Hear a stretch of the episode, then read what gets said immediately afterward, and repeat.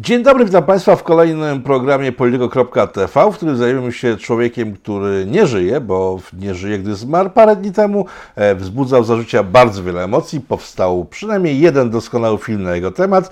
E, zajmował się piłką nożną, biznesem, e, polityką. Wiecie o kogo chodzi? O Berlusconiego Silvio który w finale, jak spojrzałem w internety, okazało się, że kojarzy się wszystkim tylko i wyłącznie z Bunga Bunga. To jest pierwsze skojarzenie, jakie wszyscy mają z Berlusconim. A w związku z tym, że Berlusconi był, bo już go nie ma, bo zmarł, jak powiedziałem, wszyscy wiecie, Włochem, e, Bartosz Łukaszewski, doktor Bartosz Łukaszewski, witam serdecznie, opowie nam o tej postaci, która jest niezwykle ciekawa, skomplikowana. E, w moim przekonaniu ostatni hedonistyczny polityk, taką pełną gębą, z tego świata. E, no i warto chyba o nim porozmawiać. Warto? Warto, serdecznie witam pana redaktora, witam wszystkich widzów. E, cóż, e, gdybym miał nakręcić, ale nie jestem reżyserem, nie jestem filmowcem, film dokumentalny bądź też fabularny o Silvio Berlusconim nazwałbym w następujący sposób. Silvio, cyniczna miłość do życia. Hmm. Cyniczna? Dlaczego? Przecież tak pełnym oddechem brał wszystko, tak? E, jeżeli chodzi o politykę, pieniądze, kobiety, e, zmysł polityczny miał całkiem, całkiem, całkiem ciekawy, także to cynizm w tym wszystkim w którym miejscu można odnaleźć? No właśnie, e, Silvio Berlusconi to polityk, który właściwie stanowił potwierdzenie dialektycznych tez i antytez heglowskich.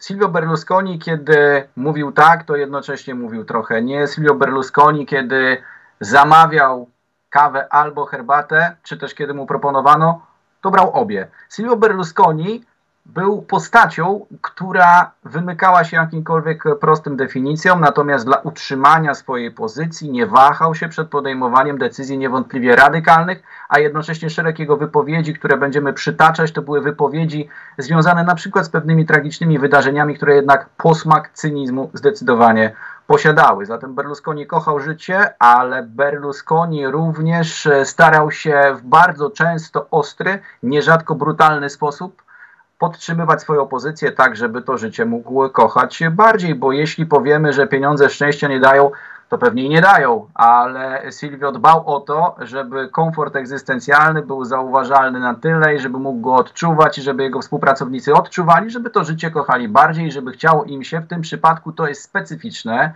bo są to północne Włochy jednak również pracować.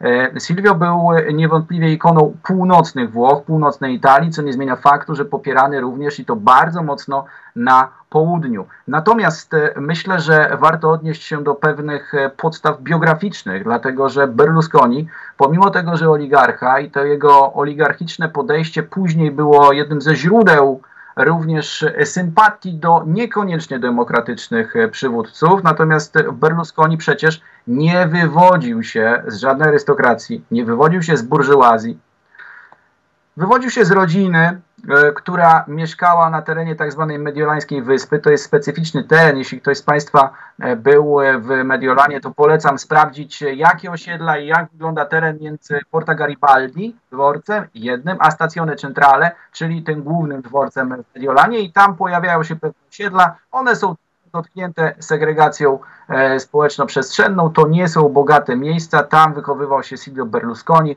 w rodzinie sekretarki w firmie Pirelli oraz, oraz ojca, który był po prostu szeregowym pracownikiem banku. I z tej rodziny właśnie wywodzi Silvio, który później zaczął rozwijać swoje imperium. Wcześniej właściwie e, starał się zarabiać pieniądze w każdy możliwy sposób, nawet artystyczny, śpiewał, grał, e, tworzył różnego rodzaju przedstawienia, performance i tak dalej, i tak. Natomiast e, swoje imperium zaczął rozwijać przede wszystkim w latach 70. A jak zaczął? Bo to człowiek, y, syn ubogich w sumie ludzi, bo szeregowy, szeregowy pracownik banku to raczej nie Rockefeller. E, od czego, od czego zaczął? To były legendarne paróweczki, które sprzedawał na ulicy, czy może jakiś inny e, patent znalazł, który doprowadził go do fortuny? Berlusconi był trochę obwoźnym artystą. Berlusconi e, trochę śpiewał, trochę występował, e, również e, podczas rejsów starał się nawiązywać szerokie kontakty.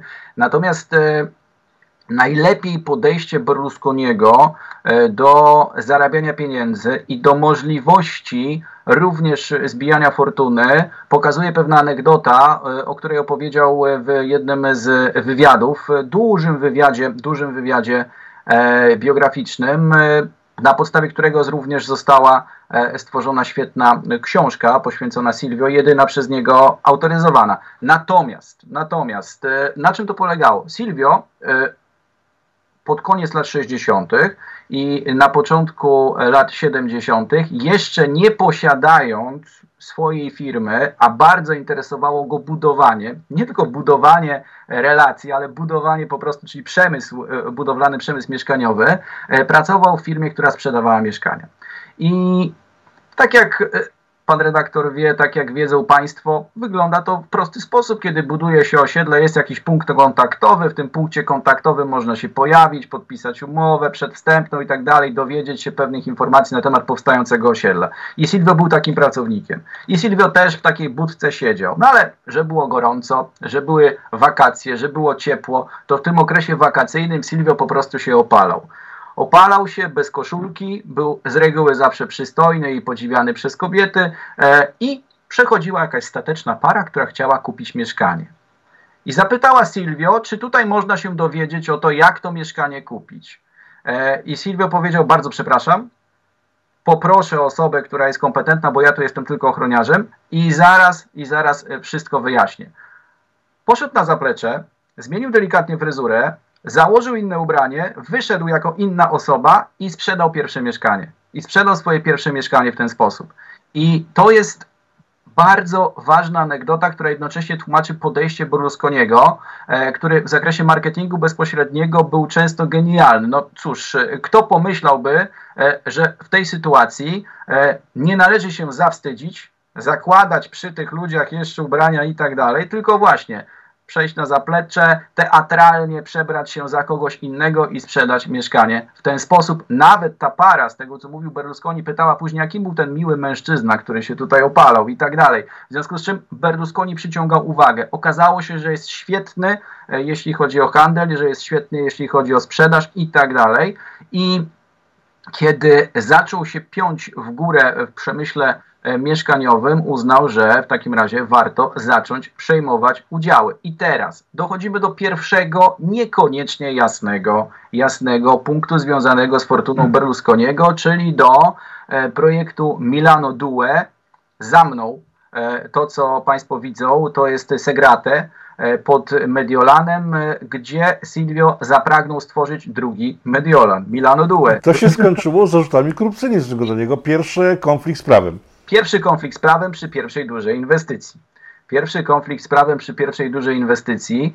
E, Milano Due zaczęło być tworzone od 1971 roku, natomiast e, problemem w przypadku Milano Due było to, że i własność do terenu nie była e, w pełni uregulowana, i niekoniecznie e, chciano to miejsce wybudować, a z drugiej strony problem polegał na tym, że lotnisko jest niedaleko i w związku z tym być może samoloty mogłyby też e, komfort egzystencjalny, komfort mieszkaniowy na osiedlu apartamentowym, bogatym e, psuć, w związku z czym Berlusconi starał się w różny sposób wpływać na decyzje zarządców owego terenu. W 1975 roku założył spółkę Fininvest, ona istnieje do dzisiaj. Dzisiaj to już dzieci Berlusconiego Fininvestem e, zarządzają, ale Fininvest to pewna mglista, dość mglista spółka w zakresie kapitału zakładowego. E, Berlusconi właściwie, właściwie do dzisiaj, e, do dzisiaj już nie powie, ale do swojej śmierci E, nie powiedział bezpośrednio skąd te pierwsze zakładowe środki Fininvestu rzeczywiście pochodziły i jak to się stało, że Fininvest był już tak e, szybko założycielsko dokapitalizowany, e, a zarzuty polegały na tym, że kiedy w 79 roku, po 8 latach, to spektakularne niewątpliwie, znakomicie zurbanizowane osiedle, osiedle, które jest bardzo duże, a jednocześnie tak połączone różnymi ścieżkami, różnymi pomostami, stawami i tak dalej, że można przechodzić całe w szybkim tempie występie bez używania jakichkolwiek innych środków, więc tutaj transport właściwie nie jest konieczny, można wszystko przejść i jest po prostu znakomicie zurbanizowane. Nie, mu, nie trzeba stamtąd wychodzić, żeby mieć dostęp do wszelkich usług, więc to jest jedno z pierwszych tego typu osiedli we Włoszech, tak zbudowanych. Natomiast zarzuty polegały na tym, że po prostu sam Berlusconi, jak i jego, jak i jego współpracownicy bardzo mocno naciskali na własność terenu i po prostu wręczali łapówki. I po prostu wręczali łapówki.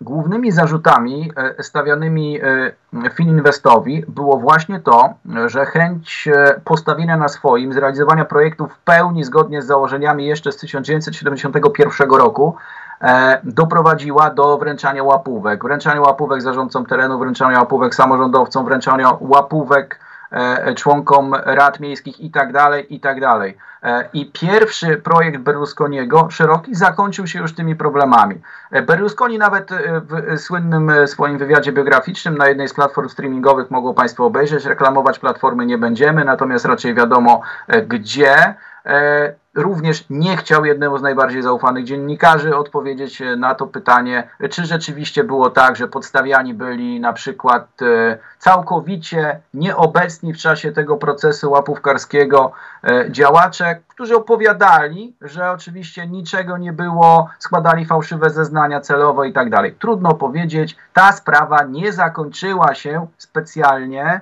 e, ucierpieniem kogokolwiek, kto, by nie, kto był w nią zaangażowany. Zresztą ze wszystkich współpracowników Berlusconiego przez te dekady e, tylko, tylko jedna osoba skończyła realnie w więzieniu e, i nie zamieniono tej kary na e, na przykład na prace społeczne. O tym, o tym opowiem później, natomiast to już jest kwestia lat zdecydowanie późniejszych i to jest kwestia e, procesu przeciwko mafii i pewnych powiązań z Cosa Nostrą. Ale 79 rok Milano Due.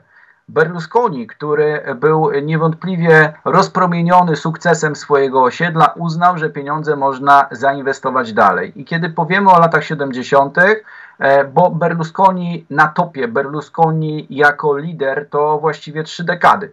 E, po, e, po już zakończeniu tych trzech dekad było trochę trudniej z racji tego, że wszelkie te praktyki, e, które się pojawiały, wystawny tryb życia, hedonizm, o którym mówiliśmy, to wszystko zaczęło e, osłabiać pozycję boskiego Silvio. Lata 80. to już nie jest kwestia bycia potentatem przemysłu budowlanego, mieszkaniowego jedynie. Lata 80. to jest początek budowy imperium medialnego. Berlusconi uznał, że skoro media, w zależności od tego, kto akurat rządzi, czy to jest lewica, e, czy jest to Hadecja, e, to media sprzyjają którejś ze stron. No to w takim razie trzeba stworzyć alternatywę. I stworzył wielki koncern medialny, Mediaset, który już wtedy w latach 80. zaczął wyznaczać nowe standardy. Po pierwsze, rzeczywiście rzetelne informacje, po drugie, rozrywka na niespotykanym dotychczas poziomie, po trzecie, jednak schlebianie gustom i to często tym najniższym gustom Włochów, e, poprzez bardzo e, bardzo proste, bardzo jednocześnie wesołe, a z drugiej strony ktoś mógłby powiedzieć, że dość sprymitywizowane formy E, rozrywkowego przemysłu i kultury masowej. I teraz. Ale to co, to Sylwio wymyślił te wszystkie festiwale pieśni włoskiej, którymi nas katowano w latach 80. za komuny? E, Silvio ich nie wymyślał, ale Silvio, ale Silvio niewątpliwie je wspierał. E, Silvio był absolutnym fanem na przykład festiwalu w Sanremo. Absolut... No o tym mówię, to było koszmarne przecież. Silvio, Silvio stworzył wiele koszmarniejszych rzeczy, jeśli chodzi o kulturę masową, gdzie festiwal w Sanremo to naprawdę e, najwybitniejsze występy Filharmonii Narodowej. E, Silvio był twórcą wielu tych funkcji stabloidyzowanych mediów, e, które dzisiaj znamy i nie zastanawiamy się nad tym, skąd pochodzą, a pochodzą właśnie z umysłu tego, z umysłu tego e, byłego już mieszkańca Mediolanu. E, Silvio, Silvio stworzył stabloidyzowane media w tej skali, którą znamy dzisiaj. Jeśli mielibyśmy komuś przypisywać autorstwo, to zdecydowanie właśnie jemu. Tyle, że lata 80. to nie był jeszcze moment, kiedy tak stabloidyzowane media były mu potrzebne, dlatego że w latach 80. Berlusconi był po prostu wielkim przedsiębiorcą. Berlusconi stawał się oligarchą, Berlusconi pomnażał fortunę, Berlusconi stawiał kolejne osiedla. Berlusconi w 1986 roku kupił AC Milan. Był kibicem Milanu.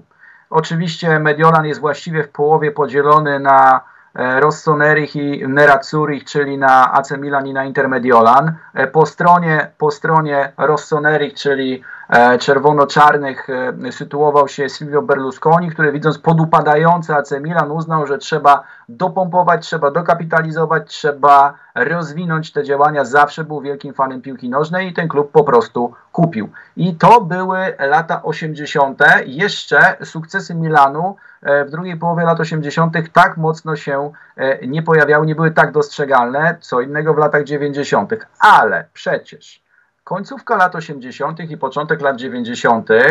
E, to jest e, moment, kiedy na włoskiej scenie politycznej skończyła się era duopolu, skończyła się era z jednej strony, z jednej strony wybitnych, wielkich, wybitnych dla e, tej strony oczywiście, przywódców włoskiej partii komunistycznej, takich jak Palmiro Togliatti, takich jak Rico Berlinger i tak dalej, i tak dalej, moglibyśmy wymieniać, no i też wybitnych chadeków, i wybitnych chadeków, tych, którzy byli liderami środowiska chadeckiego, tacy jak chociażby e, Giulio Andreotti, e, tacy jak Bettino Craxi i tak dalej. No i cóż, i ostatni rząd chadecki, a pamiętamy, że ówcześnie na przełomie lat 80. i 90. doszło również do transformacji partii komunistycznej w partię i partii socjalistycznej w partię demokratyczną, to jest e, zresztą e, bardzo jasne, bo po upadku Związku Socjalistycznych Republik Sowieckich właśnie te wszelkie partie, które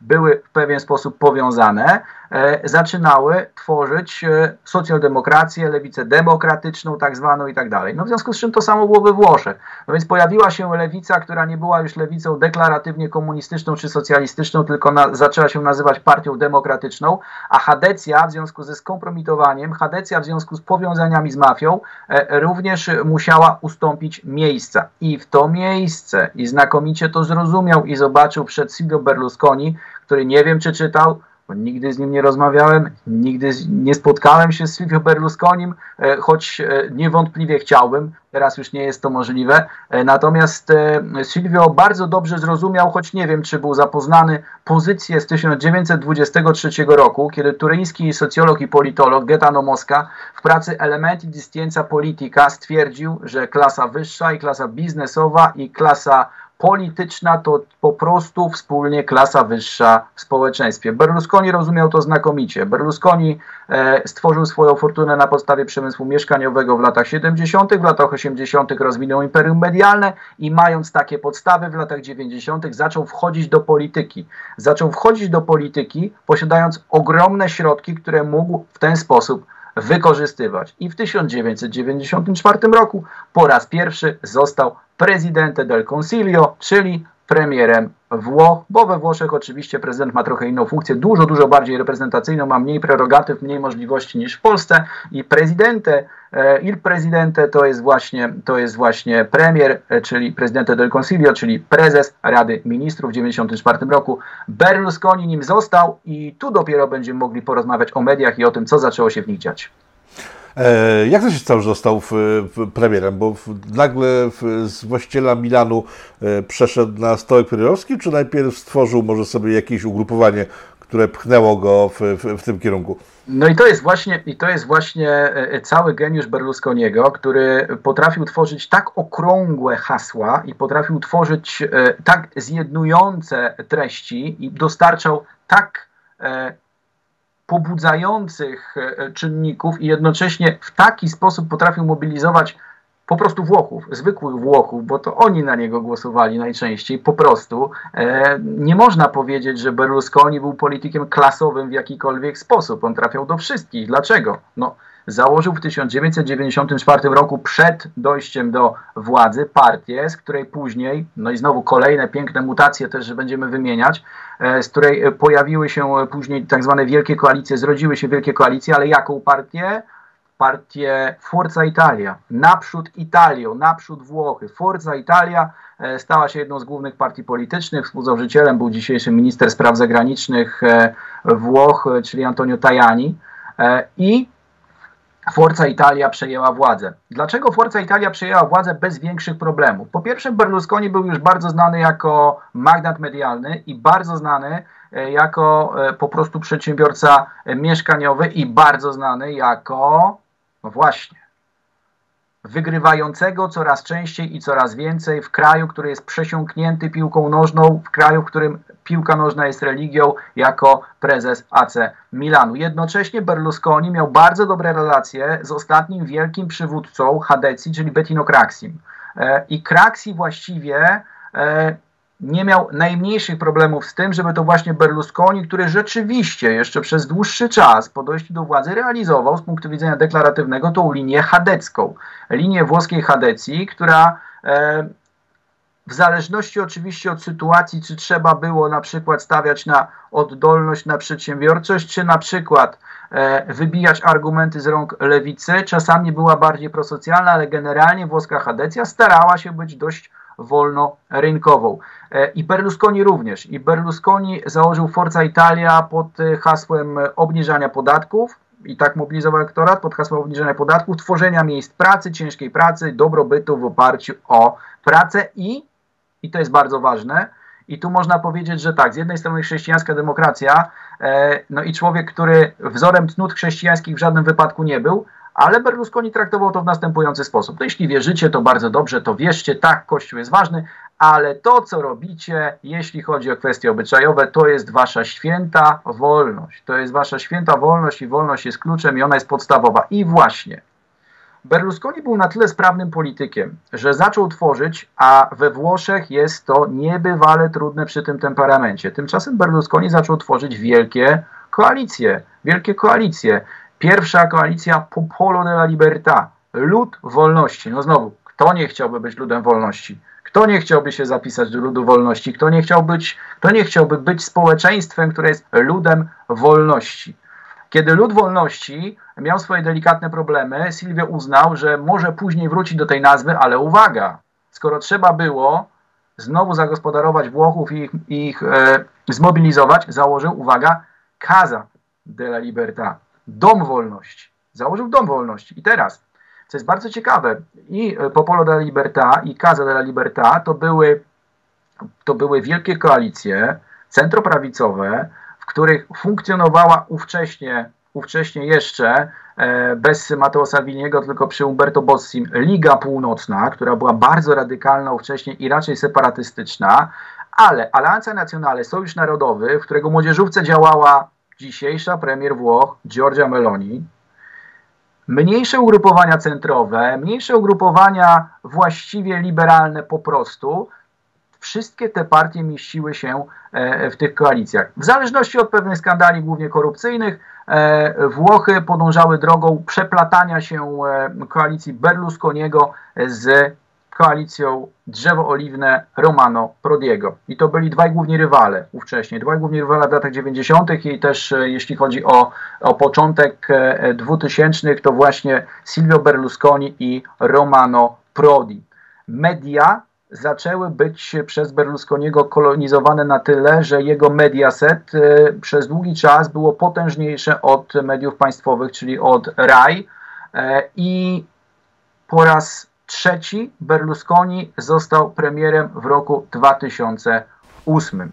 I Przypomnijmy roku... też, że grane było na, troszeczkę na skłócenie Włochów, bo Liga, Liga Północna, Forza Italia mówiła o tym, że północ Jestem, jestem częścią Włoch, która pracuje ciężko na południe, które jest opanowane przez mafię, znikają tam wszelkie dotacje.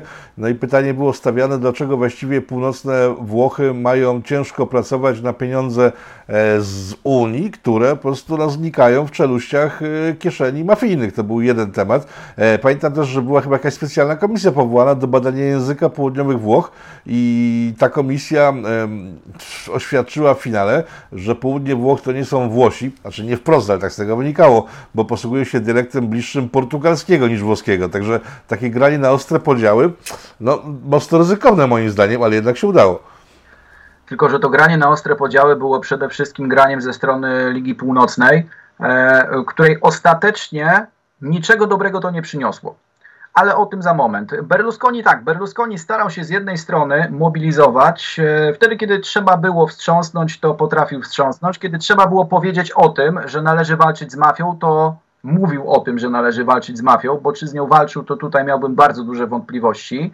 E, kiedy trzeba było powiedzieć, że mafia to już nie jest tak duży problem, e, to mówił, że mafia nie jest tak dużym problemem. Zwierzę polityczne, które zawsze wiedziało, w jaki sposób się pozycjonować, i człowiek, który kiedy zarzucono mu, że niczego w sprawie mafii nie robi, stwierdził, że zaraz, zaraz, zaraz, zaraz.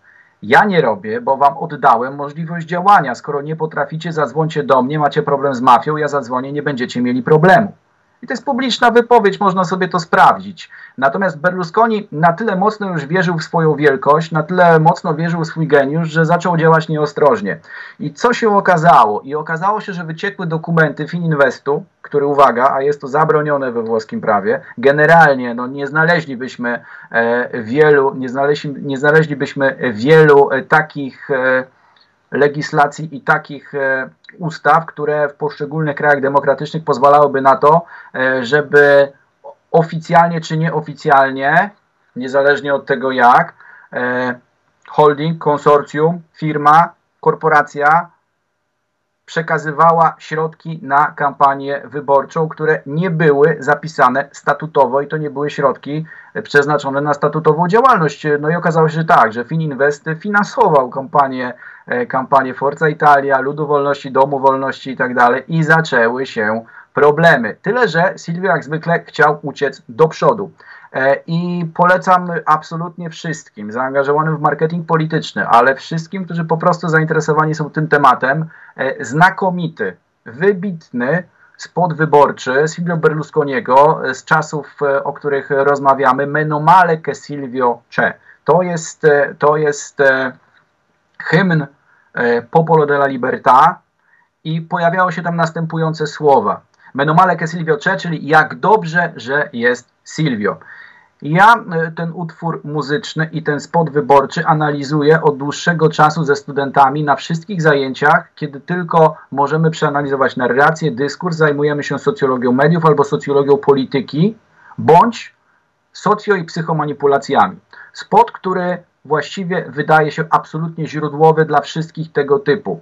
Jak dobrze, że jest Silvio. Występują w tym teledysku wszyscy, wszyscy przedstawiciele różnych grup zawodowych. Tam nikogo nie pominięto właściwie. Tam się wszyscy wypowiadają i wszyscy mówią, że siamo la gente che ama che creda che vuol transformare il sogno di realtà, czyli jesteśmy ludźmi, którzy kochają, jesteśmy ludźmi, którzy wiedzą, jesteśmy ludźmi, którzy chcą przetransformować sen w rzeczywistość.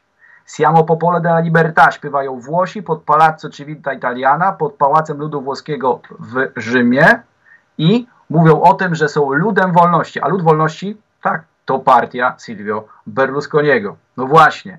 E, Berlusconi dzięki temu spotowi między innymi wybory wygrał e, i po raz trzeci został w 2008 roku e, premierem Włoch, został prezydentem del Consiglio, ale zaczęły zbierać się czarne chmury a zaczęły zbierać się czarne chmury, dlatego że po pierwsze Fininvest, e, że finansowanie kampanii, a po drugie, cóż, jak zwykle w takich sytuacjach, jeśli na niczym innym się jeszcze poważnie nie wpadło, to wpada się na podatkach. I Berlusconi na podatkach również wpadł i ostatecznie w 2013 roku udowodniono boskiemu Silvio, że w przypadku płacenia podatków to specjalnie skrupulatny nie był. Natomiast prowadzono badania i prowadzono sądy uliczne i Włosi pytani przez, pytani przez dziennikarzy mówili, że okej, okay, dobrze, może i Silvio nie płacił, ale Silvio posiada taką fortunę, że choćby płacił ułamek tego, co być może prawnie powinien zapłacić, to i tak płacił więcej niż my wszyscy tutaj razem wzięci i się od niego odczepcie. Dlaczego? Dlatego, że Berlusconi stał się symbolem przełamania tych czasów, kiedy Włochy nie były krajem dobrobytu, kiedy i Hadecja, i Lewica nie potrafiły wyciągnąć Włoch z tak zwanej stagflacji, czyli stagnacji gospodarczej połączonej z inflacją. Berlusconi to zrobił. Berlusconi rozwijał miejsca pracy, Berlusconi obniżył podatki, Berlusconi starał się uruchamiać dźwignie rozwojowe i rzeczywiście takie możliwości się pojawiały. Włochy lat 90. to są Włochy dobrobytu, Włochy lat 90. to są Włochy absolutnego wzrostu gospodarczego. Natomiast oczywiście to się w pewien sposób załamało. Berlusconi nie był już tak wydolny politycznie. W 2013 roku ostatecznie został skazany na 4,5 roku pozbawienia wolności, natomiast zamieniono to na prace społeczne. Oczywiście Ale to i tak jest niezły wynik, bo łącznie w tym czasie miał 20 różnych procesów. To, tak, to, tak. ten wy, wyrok końcowy taki to jest taki wyrok. Na rękę poszli mocno, bym rękę, powiedział. to jest klasyczny, klasyczny wyrok e, włoski w sytuacji, kiedy sądzi się kogoś mocnego, ale tu na przykład e, z chęcią poleciłbym zweryfikowanie tego, jakie zarzuty stawiane są na przykład często działaczom różnych włoskich klubów piłkarskich i co później z tego wynika i jak to wygląda. To są komediowe sytuacje bardzo często. No ale cóż, Włochy są krajem, to już rozmawialiśmy o tym wielokrotnie, jednak mocno, mocno klasowym i, i, i silniejszy, i silniejszy bardzo często tą rację posiada. Natomiast to był również moment, kiedy do głosu, przynajmniej na poziomie możliwości decydowania o swoim środowisku dochodziła pani minister do spraw młodzieży w jednym z rządów Silvio Berlusconiego, niejaka Giorgia Meloni. A Umberto Bossi w Lidze Północnej się skompromitował. Umberto Bossi również miał zarzuty korupcyjne i udowodniono. I ligą zaczął rządzić już niedługo po, po również skazaniu Berlusconiego niejaki Matteo Salvini, który, uwaga, obrał inną linię niż Umberto Bossi. W żadnym wypadku nie linię separatystyczną. Przeprosił za to, przeprosił za to, że Włochy południowe były obrażane. Starał się stworzyć zjednującą linię, no oczywiście powiedzmy radykalnie, czy populistycznie prawicowo, czy prawicowo-socjalną, ale włączającą południe Włoch. Wszyscy jesteśmy jedną Italią. Berlusconi to poparł. Berlusconi wspierał też Giorgio Meloni i mówi się o tym, że politycznie, realnie, zresztą oni się od tego nigdy nie odżegnywali, że Meloni i Salvini to są dzieci polityczne Berlusconiego, który stał się dla nich też pewnego rodzaju trampoliną. No i dobrze. I jesteśmy w roku 2015. Matteo Salvini oficjalnie przeprasza, oficjalnie przeprasza Sycylijczyków i całe południe Włoch.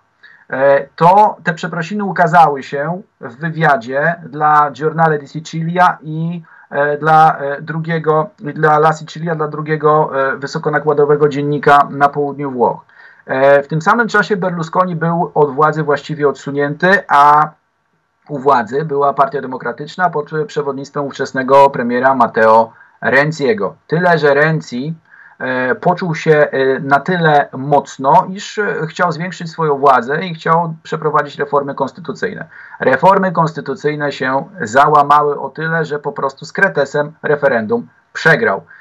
I ogłoszono, jak zwykle we Włoszech, po kryzysie ogłoszono wybory. Kiedy te wybory ogłoszono, to w 2018 roku do władzy doszedł ruch pięciu gwiazd i ja również starałem się zweryfikować, jaki był stosunek Berlusconiego od samego początku do ruchu pięciu gwiazd, tego, który promował demokrację bezpośrednią, który najpierw był antysystemowy, później wszedł w mariaż z lewicą. Berlusconi był absolutnym przeciwnikiem od samego początku ruchu pięciu gwiazd i bardzo starał się, żeby ruch pięciu gwiazd był marginalizowany. Ruch pięciu gwiazd wszedł w taką trudną koalicję do rządu technicznego Giuseppe Conte razem z ligą, natomiast oczywiście to się szybko załamało i zaczęto pracę nad tym, żeby znowu zewrzeć szeregi, żeby włoska prawica przejęła władzę, ale do tego kto był potrzebny?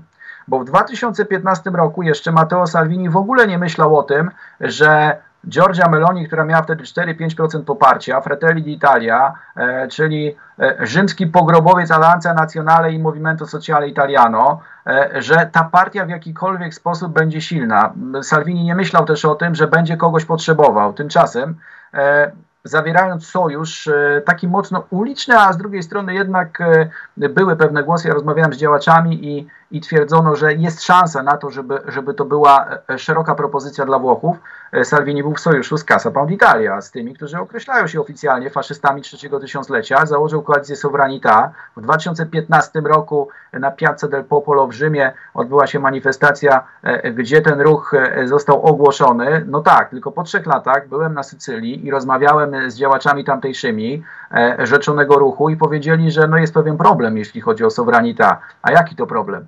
Berlusconi. A dlaczego Berlusconi? A dlatego, że Salvini uznał, że tych kilku procent głosów, bo oczywiście e, po wszelkich skandalach Forza Italia z 10% poparcia już nigdy nie wyszła i do dzisiaj ma powiedzmy maksymalnie 7-8% poparcia, ale to jednak dalej e, w liczbach bezwzględnych bardzo dużo głosów i Berlusconi, uwaga, zaczął wracać. Zaczął wracać na scenę. W 2017 roku sprzedał AC Milan AC Milan pod jego rządami, uwaga, zdobył 31 trofe, 29 trofeów przez 31 lat. Czyli prawie co roku jakieś trofeum było wstawiane do gabloty. Niebywałe sukcesy tego klubu, który przez długi czas był najsilniejszym klubem e, na świecie. No i cóż, 2018, 2019, 2020 to już coraz częstszy widok Berlusconiego na scenie podczas demonstracji, który, uwaga, i to jest bardzo ciekawe, o ile e, Matteo Salvini, o ile Giorgia Meloni mówili o propozycjach programowych, Berlusconi mówił o czym? Berlusconi mówił o tym, żeby już nigdy więcej nie dopuścić do tego, żeby lewica psuła nasz kraj. Głównie w ten sposób. Zwierzę polityczne cały czas walczył, e, cały czas walczył ze swoimi przeciwnikami. Cofnijmy się o kilka lat, kiedy on dostał ten wyrok, e, który miał odsiedzieć, nie odsiedział, tylko miał pracę społeczną. Taka ciekawostka, on cały ten wyrok spędził w domu starców katolickim e, i pomagał starszym osobom. E, człowiek, który wtedy miał ponad 70 lat, dobrze liczę? W 36 się urodził, więc, więc miał. No dokładnie, także to jest ta sytuacja. No i wychodzi, mówi Pan o tym, że tworzy nowe ugrupowanie. No i napotyka kontrę w postaci Bunga Bunga, które dość mocno mu namieszało szyki chyba, bo nie sądził, że tak szybko dostanie torpedą. I to jest właśnie kwestia, kwestia rzeczonego cynizmu, o tym zaraz, o tym zaraz opowiem. E, Silvio to jest znakomicie pokazane w filmie Wideokracja. To jest znakomicie pokazane w filmie Wideokracja. Polecam, jest dostępny absolutnie warto. Tam pokazane są praktyki polityczne i nie tylko polityczne, i medialne, i styk polityki biznesu, zabawy i tak dalej, e, który Berlusconi organizował głównie, głównie organizował, oczywiście w swojej willi w Arcore e, też e, na północy Włoch, ale głównie na Sardynii, dlatego że miał kilka rezydencji w Olbi i okolicach na Sardynii, na wschodnim wybrzeżu Sardynii, północno-wschodnim. Dostał nawet nagrodę E, honorowego obywatela Olbi, stwierdził, że bardzo dziękuję, bo tu rzeczywiście ma swoją najpiękniejszą willę i tak dalej, i tak dalej. No i cóż, tam były spraszane młode dziewczyny. E, e, wiadomo, wiadomo jakie działania były podejmowane. Jedna z nich, która składała zeznania obciążające i to była jedna z podstaw ujawnienia bunga bunga właśnie i całego tego procesu i wszystkich tych zabaw, w dość niewyjaśnionych okolicznościach e, zginęła. E, nie wiadomo e, w jaki sposób dokładnie, śledztwo niczego nie przyniosło. Berlusconi pytany o to, co się z nią stało i czy wie o tym, że coś się stało, bo przecież ją znał, nie odżegnywał się, że, że nie zna. Niektóre też pojawiały się różnego rodzaju modelki i tak dalej, uczestniczki, uczestniczki tych przyjęć, tak to określmy, przy których na przykład zaprzeczał, że zna. W tym przypadku nie zaprzeczał, E, ona zginęła, natomiast Silvio powiedział, że to jest zawsze, to jest zawsze bardzo smutne i tragiczne, kiedy ginie młody człowiek. To jest jedna z oficjalnych wypowiedzi Berlusconiego, który e, no, tą wypowiedzią zanotował jednak, jednak pewien upadek. A co takiego się działo w mediach? Co takiego się działo wcześniej w mediach jeszcze przed, przed procesami, przed bunga bunga? Berlusconi E, był absolutnie czarnym koszmarem, najczarniejszym snem wszystkich feministek. To absolutnie. Dlaczego? Dlatego, że po pierwsze jego telewizja była całkowicie stabloidyzowana, a po drugie oparto tą tabloidyzację na kobietach. Przede wszystkim na kobietach Kobiety miały być piękne, kobiety niezależnie od wieku miały być atrakcyjne, kobiety miały być roznegliżowane i zawsze uśmiechnięte i e, im mniej mówiły, tym lepiej, bo one miały wyglądać, a nie mówić. I na tym to polegało. I jeśli na przykład e, pan redaktor i państwo przypominają sobie, że jeden z showmenów w polskich mediach, który najpierw w jednej telewizji prywatnej, a później w drugiej telewizji prywatnej prowadził i do dzisiaj prowadzi swój program, no wiemy o kogo chodzi, tam była taka postać wodzianki. No ale to nie jest żaden rodzimy wynalazek. E, Berlusconi organizował w całych Włoszech wielkie castingi e, na e, postać tak zwanej Veline. Veline to była młoda dziewczyna, albo powiedzmy, no nie już taka młoda, ale bardzo atrakcyjna, która miała po prostu się uśmiechać w programach w najwyższym czasie antenowym, w najlepszym czasie antenowym, albo przynosić wodę, albo się uśmiechnąć, albo się trochę rozebrać, albo na przykład, i to były celowe też zagrania w programach E, w programach Berlusconiego, kiedy jednej na przykład z zaproszonych e, pięknych postaci, która niewiele mówiła, ale przypadkiem na przykład kawałek biustu się odsłonił. Było celowe, to było celowe, w ten sposób znowu jeszcze większa oglądalność. Przerywamy program, drodzy Państwo, i mamy przemówienie prezydenta del Consiglio, Silvio Berlusconi chciałby coś do Państwa powiedzieć. Berlusconi potrafił, Berlusconi potrafił w czasie najlepszej oglądalności zadzwonić do studia. Przerywamy w tym momencie, bo Silvio dzwoni, chciałby coś powiedzieć e, Włochom. I po prostu dzwonił i mówił. E, tak, tak realizował e, działania, a jednocześnie, dlaczego mówiłem o cynizmie? Dlatego, że Berlusconi, kiedy współpracował za czasów swojej świetności z Lele Moro, to słynny demiurg włoski telewizyjny, skądinąd e, fanatyczny wręcz zwolennik Benito Mussoliniego. E, w wideokracji można zobaczyć, kiedy pokazuje różne, e, różne nagrania z Mussolinim i tak dalej, na którego propagandzie się wzorował i zresztą bardzo mocno rozwijano postać Berlusconiego i promowano jako właśnie wodza, wodza specyficznego, uśmiechniętego, kordialnego, ale wodza, wodza włoskiego narodu, włoskiego społeczeństwa, e, możemy zobaczyć, że Berlusconi zaczął zarabiać na tym, co sam stworzył, nie tylko poprzez to, co stworzył, ale i kogo stworzył. Bo uwaga, Lele Mora e, właściwie rozwinął postać bardzo, ale to bardzo zinstrumentalizowaną, niejakiego Fabrizio Corone. Fabrizio Corona to najsłynniejszy włoski paparazzi, on już dzisiaj jest mniej aktywny, on miał szereg zarzutów i tak dalej. Natomiast Fabrizio Corona, uwaga, co robił? Berlusconi spotykał się ze wszystkimi najważniejszymi osobami na świecie. Berlusconi spotykał się z aktorami, Berlusconi spotykał się z muzykami, a Corona śledził celowo i czasami nawet wiedział, gdzie te osoby będą się znajdować, po to, żeby robić zdjęcia. Te zdjęcia były następnie kupowane przez prasę. Gdzie trafiały pieniądze? Wiemy, gdzie trafiały pieniądze. Przynajmniej ich część, przynajmniej jakiś procent. No więc stąd mówiłem właśnie o owym cynizmie. E, Berlusconi do świetności politycznej już nigdy później nie wrócił, ale również dzięki jego E, jego poparciu to jest to 6-7%. E, koalicja centroprawicowa, koalicja, gdzie dwie partie prawicy socjalnej, raczej tak to nazwijmy, zaczęły rządzić, mogła również dojść do władzy, bo raczej byłby problem, gdyby, gdyby Berlusconi tych kilku procent swoich nie dołożył, a ostatnim wielkim dziełem Silvio Berlusconiego, czyli Złotego Dziecka Mediolanu, E, stało się wprowadzenie do Serie A, do najwyższej klasy rozgrywkowej klubu AC Monza, ale o tym zaraz, o tym za moment niewątpliwie również możemy powiedzieć. Dobrze. E, wróćmy chwilę do jego kobiet. To nie jest tak, że on tylko je wykorzystywał, też budował ich kariery. E, jego znajome trafiały do parlamentu jako posłanki. E, dentystka o wdzięcznym nazwisku Minetti, przepiękna kobieta zresztą, też została posłanką, to jego osobista, e, osobista dentystka, także on dbał o te swoje kobiety. Nie wiem o co chodziło feministką w takim razie w zarzutach stosunku do niego, ale przejdźmy do kwestii Putina, bo e, on z Putinem był w przyjaźni wprost po prostu, się bardzo dobrze ze sobą czuli. Jak to wyglądało w Putin i Silvio? No to skoro już, skoro już ruszyliśmy kobiety, to ja tylko delikatnie napomknę, e, że tak, no Silvio był e, absolutnym kobieciarzem. Silvio kobiety uwielbiał. E, Silvio miał dwie żony oficjalnie i dwie nieoficjalnie, a jego ostatnią była Marta Fasina, która siedziała w pierwszym rzędzie podczas pogrzebu Silvio. Marta Fasina, która ma dzisiaj 33 lata, no, a Silvio zmarł w wieku 87, to różnica... To ogromna miłość musiała być na pewno. To, to była miłość, absolutnie to była miłość i ja y, y, myślę, że nie zapomnę nigdy, bo był to jeden z najpiękniejszych teatrów, y, tylko taki dość mocno sarkastyczny, jaki widziałem, kiedy y, Marta Fasina, trochę jeszcze młodsza e, niż e, dzisiaj, wraz z Silvio wzięła ślub nieoficjalny w jednej z rezydencji Silvio. Tam był m.in. zaproszony Matteo Salvini i Silvio stwierdził, że mm, che molto importante in mia vita che essere l'uomo sincero. Najważniejsze w moim życiu i generalnie najważniejsze, najważniejsze w życiu jest to, żeby być człowiekiem szczerym.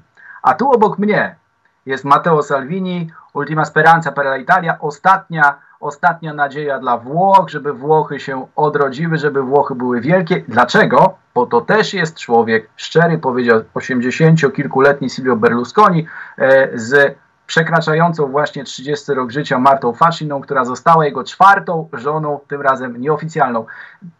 Czy to była wielka miłość? Na pewno była wielka miłość. No panie redaktorze, nikt tak w kościele nie płakał jak Marta Fascina, naprawdę. E, wielokrotnie, wielokrotnie zresztą pocieszana przez Giorgio Meloni, przez e, Matteo Salviniego, że na pewno. Także na pewno tylko zastanawiam się, e, czy jakaś część fortuny do niej trafiła, bo na razie dzieci wszystko posiadają i to już od dłuższego czasu, a czy ona, czy ona cokolwiek, zobaczymy, zobaczymy. Dzieci, które są starsze od niej zresztą, żeby było ciekawiej. oczywiście. A ona pewnie mogła płakać dlatego, że właśnie niewiele co dostała.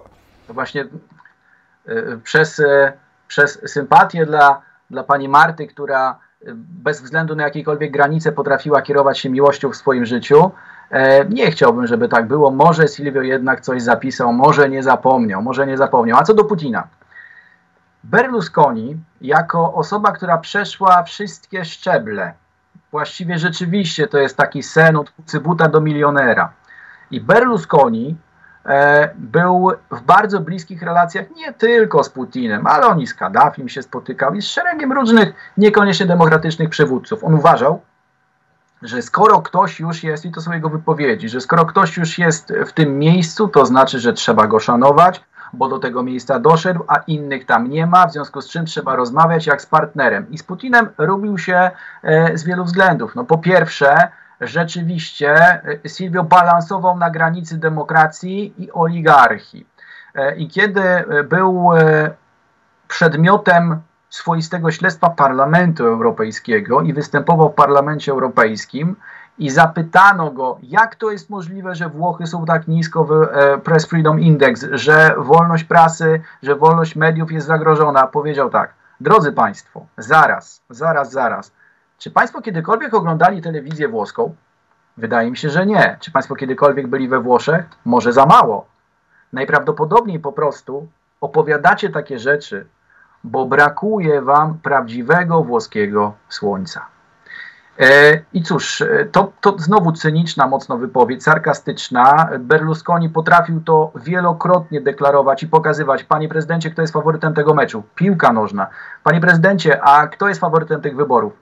Demokracja i tak dalej. No i, i rzeczywiście, kiedy popatrzymy na postać Władimira Władimirowicza, on też charakteryzuje się dość podobnym często, specyficznym, dużo czarniejszym, ale jednak poczuciem humoru.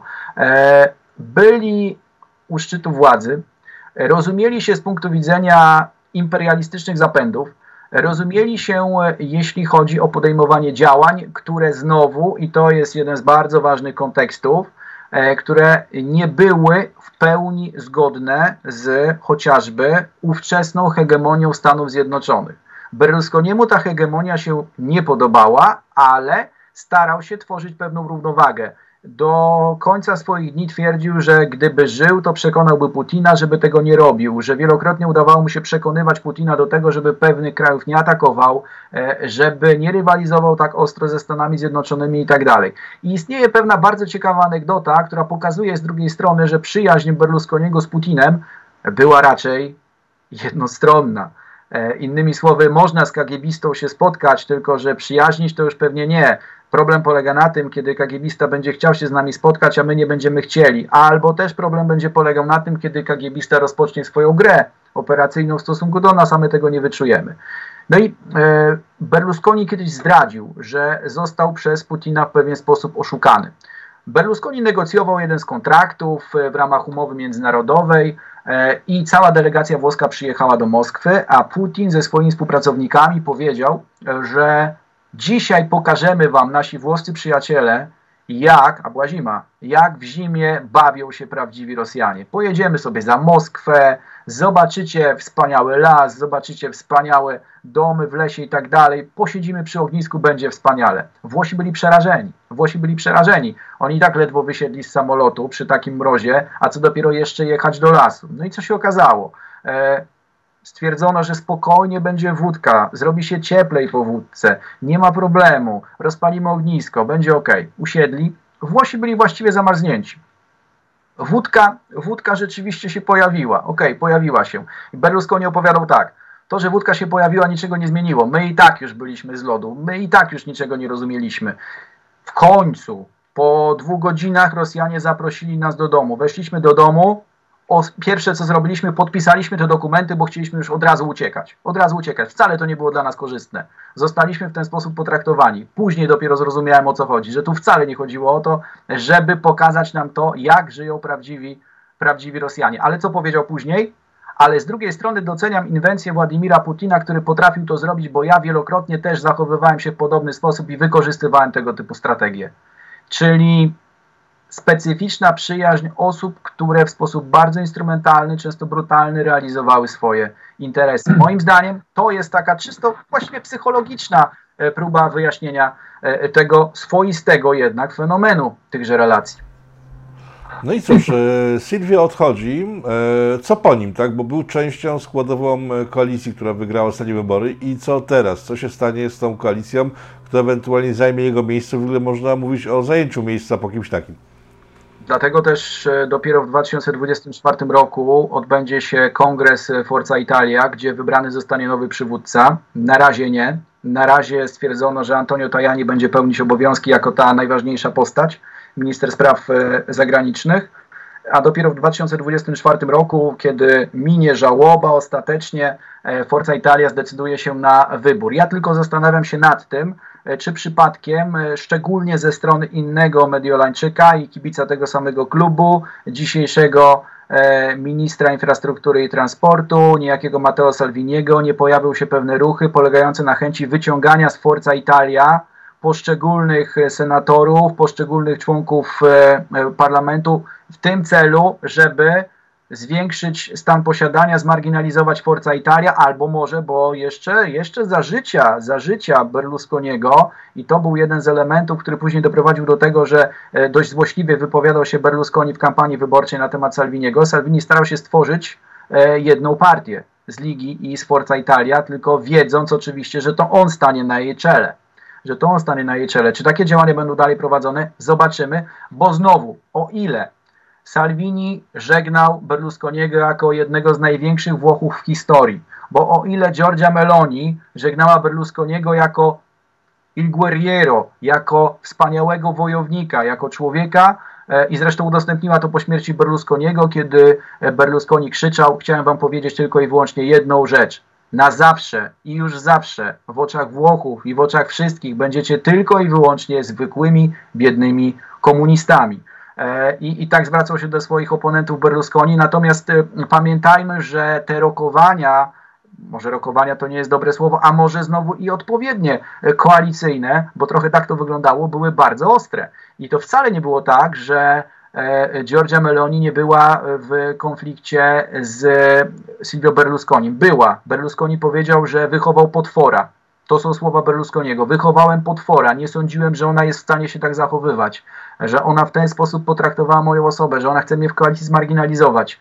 Salvini brutalnie walczył o to, żeby miejsce numer dwa i to bardzo mocno było właśnie przy lidze i żeby nikt z Forza Italia nie wszedł za daleko i tak dalej. Więc być może pojawią się pewne ruchy polegające na próbie rozbicia jedności Forza Italia po śmierci Berlusconiego ze strony Meloni i Salviniego. Jest to polityka, więc pamiętajmy, że jest brutalna, Natomiast e, nic się nie stanie, jeśli chodzi o koalicję po śmierci Berlusconiego z jednego podstawowego powodu. Forza Italia jest w rządzie. Poszczególni działacze są w parlamencie. Niektórzy zajmują stanowiska ministerialne, a ta partia również współrządzi w większości regionów autonomicznych we Włoszech, w samorządach i w miastach. A w związku z tym, e, z punktu widzenia większości, śmierć Berlusconiego nie ma tu żadnego znaczenia i myślę, że z punktu widzenia skuteczności jego polityki, jeśli mierzymy E, polityka miarą skuteczności, to był politykiem wielkim właśnie z tego powodu, że jego śmierć niczego nie zmienia w tym momencie dla sceny politycznej, czyli potrafił doprowadzić do sytuacji, w której jego śmierć jest już tylko pewnym faktem czysto personalnym, ale sytuacja jest uporządkowana. Czyli dorosłe państwo, które niezależnego kto żyje, a kto już umarł, dalej idzie dalej w kierunku wytyczonym przez osoby zmarłe, ewentualnie te, które są jego spadkobiercami. Szanowni Państwo, godzina programu za nami. Pan Bartosz Łukaszewski, doktor Bartosz Łukaszewski był Państwa moim gościem. E, przypomnieliśmy sylwetkę Silvio Berlusconiego, w sensie Pan doktor będzie przypomniał niż ja. E, dziękuję Panie doktorze za spotkanie i do zobaczenia. Dziękuję serdecznie.